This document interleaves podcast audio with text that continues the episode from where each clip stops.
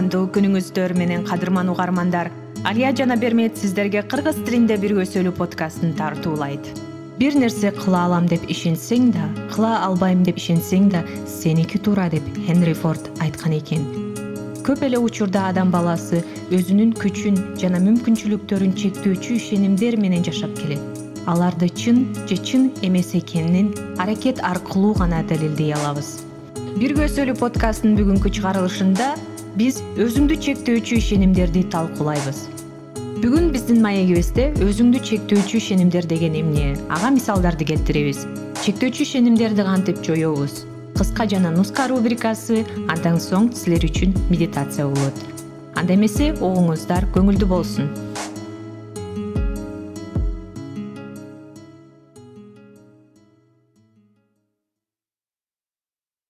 Саламатсыңыздарбы урматтуу замандаштар биздин подкастыбызга кош келиңиздер. Бермет кош келдиң.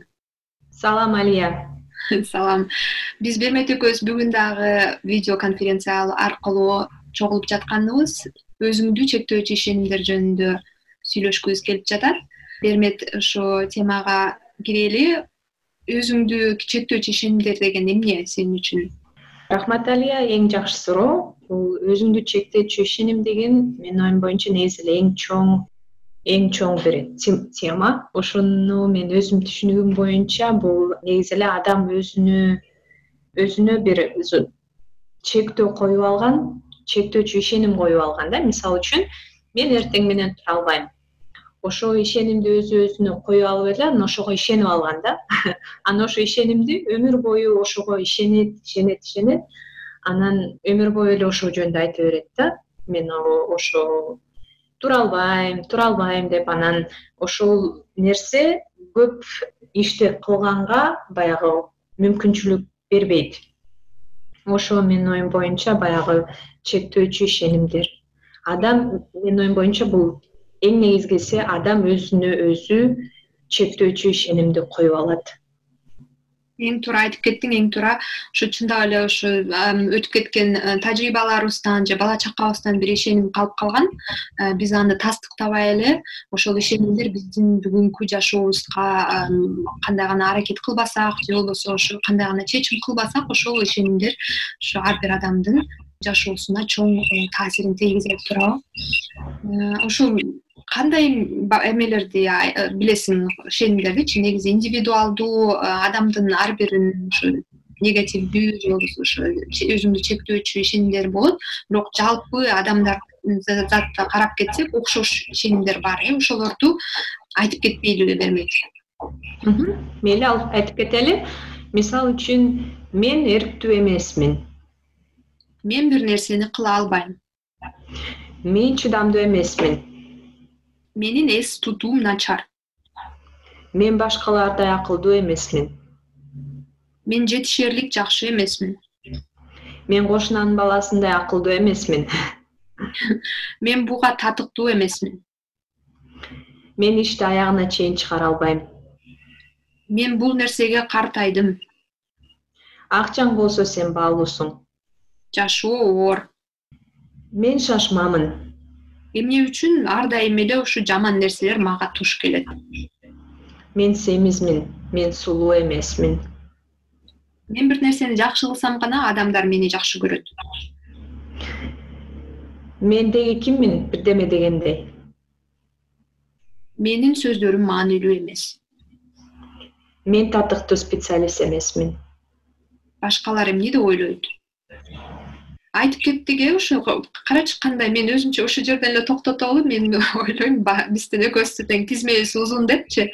Абдан кандай сезимдер пайда болду негизи ушуларды айтып келгендечи. Айтып бересиңби негативдүү сезимдер пайда болот. Баягы эң биринчи эле ушул сүйлөмдү айтып атканда өзүң менен өзүң баягы диалог башталды да мен өзүм менен өзүм диалог башталып эле баягы денем дагы кичине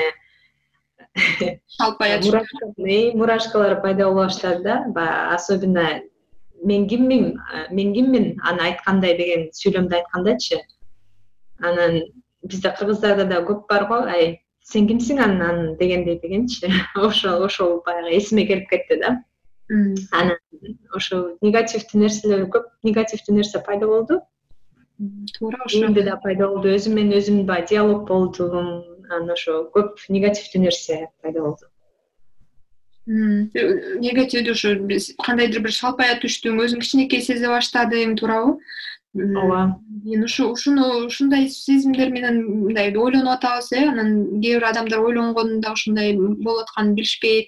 Анан кийин кантип жеңебиз ушуну? Бермет сен ушуну кантип жеңгенге аракет кыласың эми эң биринчи эң биринчи кадам бул ушул негативдик ойду баягы биз э, баягы силерге мисал кылып э, сүйлөмдөрдү э, келтирбедикпи? Ошону позитивдүү сүйлөмгө айландыруу да мисалы үчүн мисалга алсак мен чыдамдуу эмесмин деп атпайбызбы? Ошону деген позитивдүү сүйлөмгө айландыралы да мисалы мен чыдамдуумун деп айталы жумушта отурганда же болбосо башка спорт кылып атканда же болбосо чуркап атканда айткыла жок мен чыдамдуумун мен дагы эки километр чуркайм беш километр чуркаш үчүн депчи ошо чыдамдуумун чыдамдуумун деп айткан сайын силер ошо жанагы негативдик ойду ошо позитивдик ой менен алмаштырып атасыңар да. Ошол эң биринчи кадам деп ойлойм ошол аркылуу силер биринчи кадамды жасайсыңар ошол эң биринчи кадамдар ошол эң чоң жардамдар мүнөттүү деп ойлойм. Анан ушуну кайталап кайталай бергенде эле бүтүп калабы бермек же дагы эмнелерди кылышыбыз керек?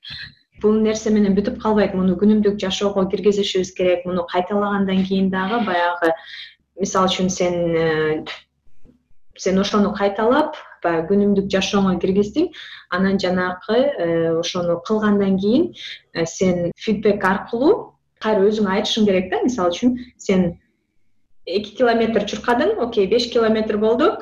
Мен муну кылдым деп баягы өзүңө далил беришиң керек. Ошондо сен сен дагы баягы далилди мээңе киргизесиң анан баягы мээңде доказательство болот. Анан ошол аркылуу дагы баягы ошо тастыкталып чыгат да. Анан ошол дагы баягы сенин э, эркиңди позитивдүү ойлоруңду күчтөндүрө баштайт туура айтып кеттиң. Сен эми ушул өзүңдүн күнүмдүк жумушуңнан э, ушундай бир мисал айтып бересиңби? Ушу төрт нерсени айтып кеттиң э. Биринчиден өзүңдү байка кандай ойлор келип атат кандай негативдүү жана сени чектендирген ойлор бар. Анан ошол ойлорго э, ошо позитивдүү ошол ойлорду позитивдүү айт. Анан кайра кайра өзүңө айтып анан кийин ошону далилдерди издей башта деп айтпадыңбы э. Ошого бир мисалды айтып келесиңби өзүңдүн жашооңдон албетте мисалы үчүн көбүнчө баягы жумуштан айтып кетсем болот. Кээде баягы биз мисалы үчүн код жазып атканда же жумуштан программирование кылып атканда кээде кыла кээде баягы бир момент болот да.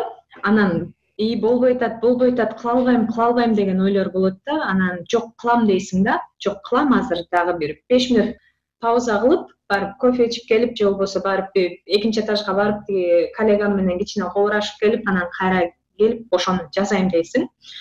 Анан келип ошо кадимкидей эле отуруп башка ой менен позитивдүү ой менен ошону жазап баягы көп убакыт кетет албетте. Анан ошону жасайсың анан ошо жасап иштегенден кийин анан баягы фидбек аласың да баягы жумушта жасагандан кийин биз баягы программаң иштегенден кийин баары жакшы болгондон кийин башка коллегалардан фидбек аласың да анан ошолор айтат ооба баары жакшы иштеп атат жакшы деген фидбекти алгандан кийин анан кичине ух жакшы болду деп баягы успокаиваться этип каласың ошондой фидбек алганда анан ошол кичине өзүң успокаиваться этип о мен жакшы жумуш кылдым мен кыла алам депчи. Ошол дагы бир кичине мотивация болот да. Анан ошол ошол мага мындай мисал болот эле да ушу мен да өзүмдүн жашоомдон айтып кетсем э, мисалы э, өзүм дагы ушу бала чака кезимен ошо өзүм ишенип алыптырмын жакшы сүйлөй албайм жакшы түшүндүрө албайм депчи. Анан ошондуктан ошого ишенип көп жерден өзүмдүн оюмду айтпай же болбосо көп жерден жакшы бир э, окуя болсо аны айтпай кетчүмүн да анан кийин ошону байкап мен да ошонун алдында азыр активдүү иштеп жаткан кезим үчүн тиги ар бир жумушта ар бир кандай гана мүмкүнчүлүк болбосун ошондо дагы өзүмдүн оюмду айтып кетем. Ар бир совещанияда өзүмдүн тажрыйбаманы презентация кылып берем. Ошо анан жыйырма отуз адамдын алдында туруп ушу презентация кылам анан ошого дагы мен дагы активдүү кылып баштадым да бирок ал үчүн дагы ушул э, кадамды жасаш үчүн албетте канча жыл өттү. Бирок ошого мен абдан сыймыктанып кылып жатканымдычы анан бул дагы мага ушу сырттан кандайдыр бир фидбек келип анан ошо ичиме киргизилип атат да. Анан эми эмки ар бир совещанияде мындай эч кандай өзүмө дагы мындай суроолор туулбайт да мен сүйлөй албайм деп эле сүйлөп кетесиң да. Ошондуктан коркпой э? Коркпой каласың да. Анткени бул уже автоматикага киргизилип жаткан кез болуп атат да. Ошондо айтып кетпедикпи башында болсо ошо кандайдыр бир ичиңен сыртыңа кетип атат. Мисалы үчүн ичиңде ойлонуп мен презентация кыла албайм сүйлөй албайм деп анан мен албетте кийинки ситуацияда ошол презентациянын алдында мен дагы бир э, аябай эметип эме кылып аябай нервничать этип волноваться этип сүйлөй албай калган учурлар болот да ошондо болсо ичтен сыртка ошондой реакция болуп атат да. А эми болсо ошо сырттан ичиме киргизип аң сезиме кирилип анан ошол э, далилдер кирип далилдерди издеп анан кийин ошо күнүмдүк жашоого киргизилгенден кийин уже э, ошол кандайдыр бир ушу фидбек булуп артка кетип атат да сыртка кичине кирип анан ошон үчүн сен мага менин дагы күнүмдүк жашоом ушу ар бир э, презентацияда жакшы презентация болуп атат да. Ошондуктан э, чындап эле бул мунун алдында иштесе болот кандай гана адам болбосун э, кандай гана чектөөчү ишенимдер болбосун ошону тандап алып ошонун алдында иштесе болот да. Ошого далил кылып атабыз. Анткени кайсы жерге көбүрөөк көңүл бурушсаң ошол жериң көбүрөөк өнүгөт да. Ушу жалпылап айтып кеткенде ошо эметип айтып кеттик э бермет биринчиден өзүңдү байка экинчиден жашооңдон ошо ошолорду ошо байкаган байкаган ишенимдерди чектеген ишенимдерди жазып ал дептериңе. Анан ошону позитивдүү түрдө формулировка кыл. Андан кийин өзүңө кайра кайра айтып анан ошого ошонун алдында иштеп анан ошого далилдерди издей башта да. Туурабы. Мисалы үчүн сен сен айтып атасың э чыдамсызмын чыдамсызмын деп анан кийин ошондо эме кылып мисалы үчүн бир проект бүткөндөн кийин а мен чыдамкаймын анткени мен бул проектти бүтүрдүм да деп ушинтип ошону өзүңө далил кылып кайра ошону жыйынтыктап алышың керек да андан кийин мисалы үчүн тиги дагы проект болбоду беле. Ал проектти да мен чыдамкайым үчүн бүтүрдүм да. Же болбосо эки үч километрди мен чыдамкайдыгым үчүн ошону кылдым да деп ошо өзүңө дагы аягында жыйынтыктап далилдеп жазышың керек да. Анан ошол бир учурда автоматикага кирет сен аны дагы бир тастыктабай уже кадимкидей өзүңө татыктуудай ушундай эме болосуң да өзүңдүн жашооңо кирип калат да ушу э, эң сонун айтып кеттик э, бермет ушу анда эмесе ошо биз жакшы көргөн рубрикабыз э, кыска нускага кирели. Мен сага бир эки суроо даярдап келдим эле.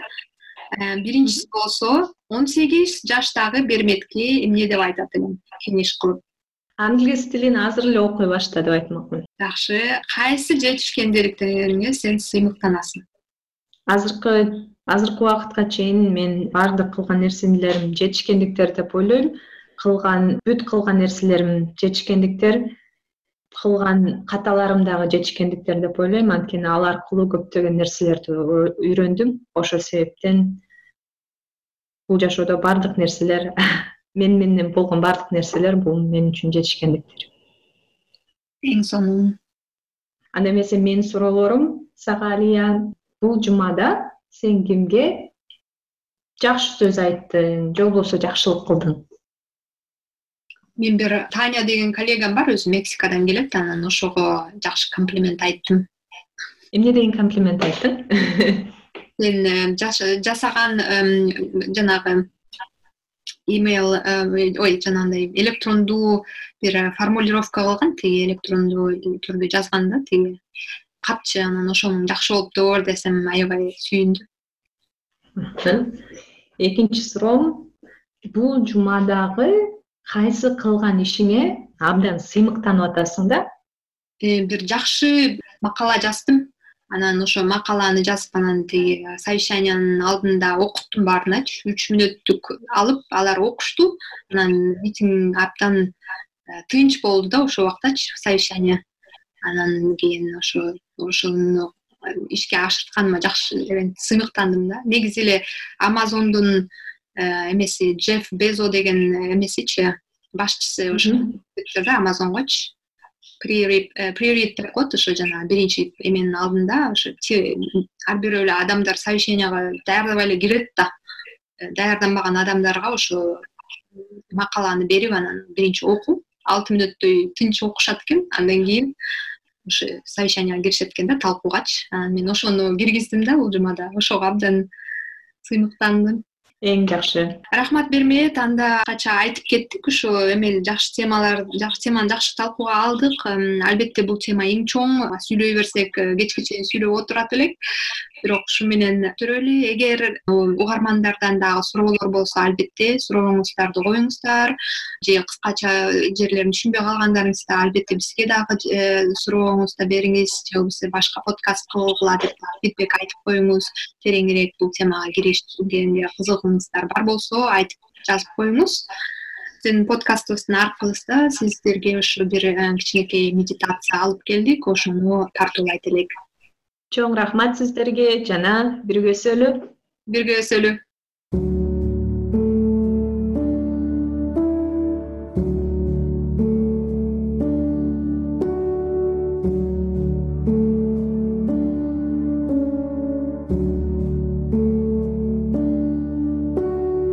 келиңиз. Чогуу медитацияга кирели. Тынч жерге келип отуруңуз стульчикке отуруңуз же болбосо жерге отуруңуз. Аркаңызды түздөтүп көкүрөгүңүздү чыгарып даяр болгон соң көзүңүздү жумуңуз. Оң колуңузду төшүңүзгө коюңуз сол колуңузду ичиңизге коюңуз. Терең терең дем алыңыз мен бешке чейин санаганда дем алыңыз мен жетиге чейин санаганда дем чыгарыңыз андай эмесе кеттик бир эки үч төрт беш. Дем чыгарыңыз. Бир эки үч төрт беш алты жети. Бир эки үч төрт беш. Дем чыгарыңыз. Бир эки үч төрт беш алты жети бир эки үч төрт беш. Дем чыгарыңыз бир эки үч төрт беш алты жети. Эми колуңузду кутуңузга коюңуз дагы алаканыңызды өзү жайыңыз өзүңүздүн табигый демиңизге көңүл буруңуз кабагыңызды жайдарый коюңуз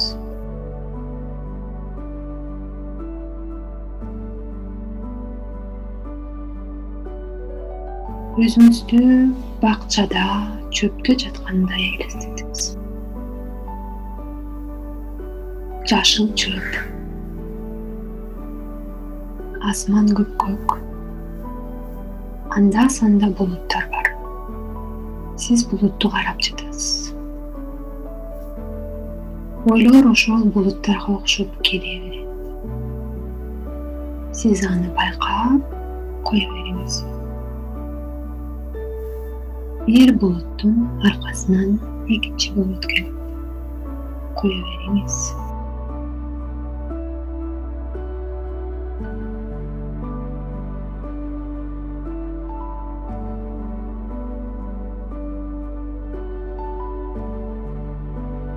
демиңизге көңүл буруңуз сиз дем алган сайын төшүңүз ичиңиз көтөрүлөт сиз дем чыгарган сайын төшүңүз ичиңиз кирет. Ошого көңүл буруңуз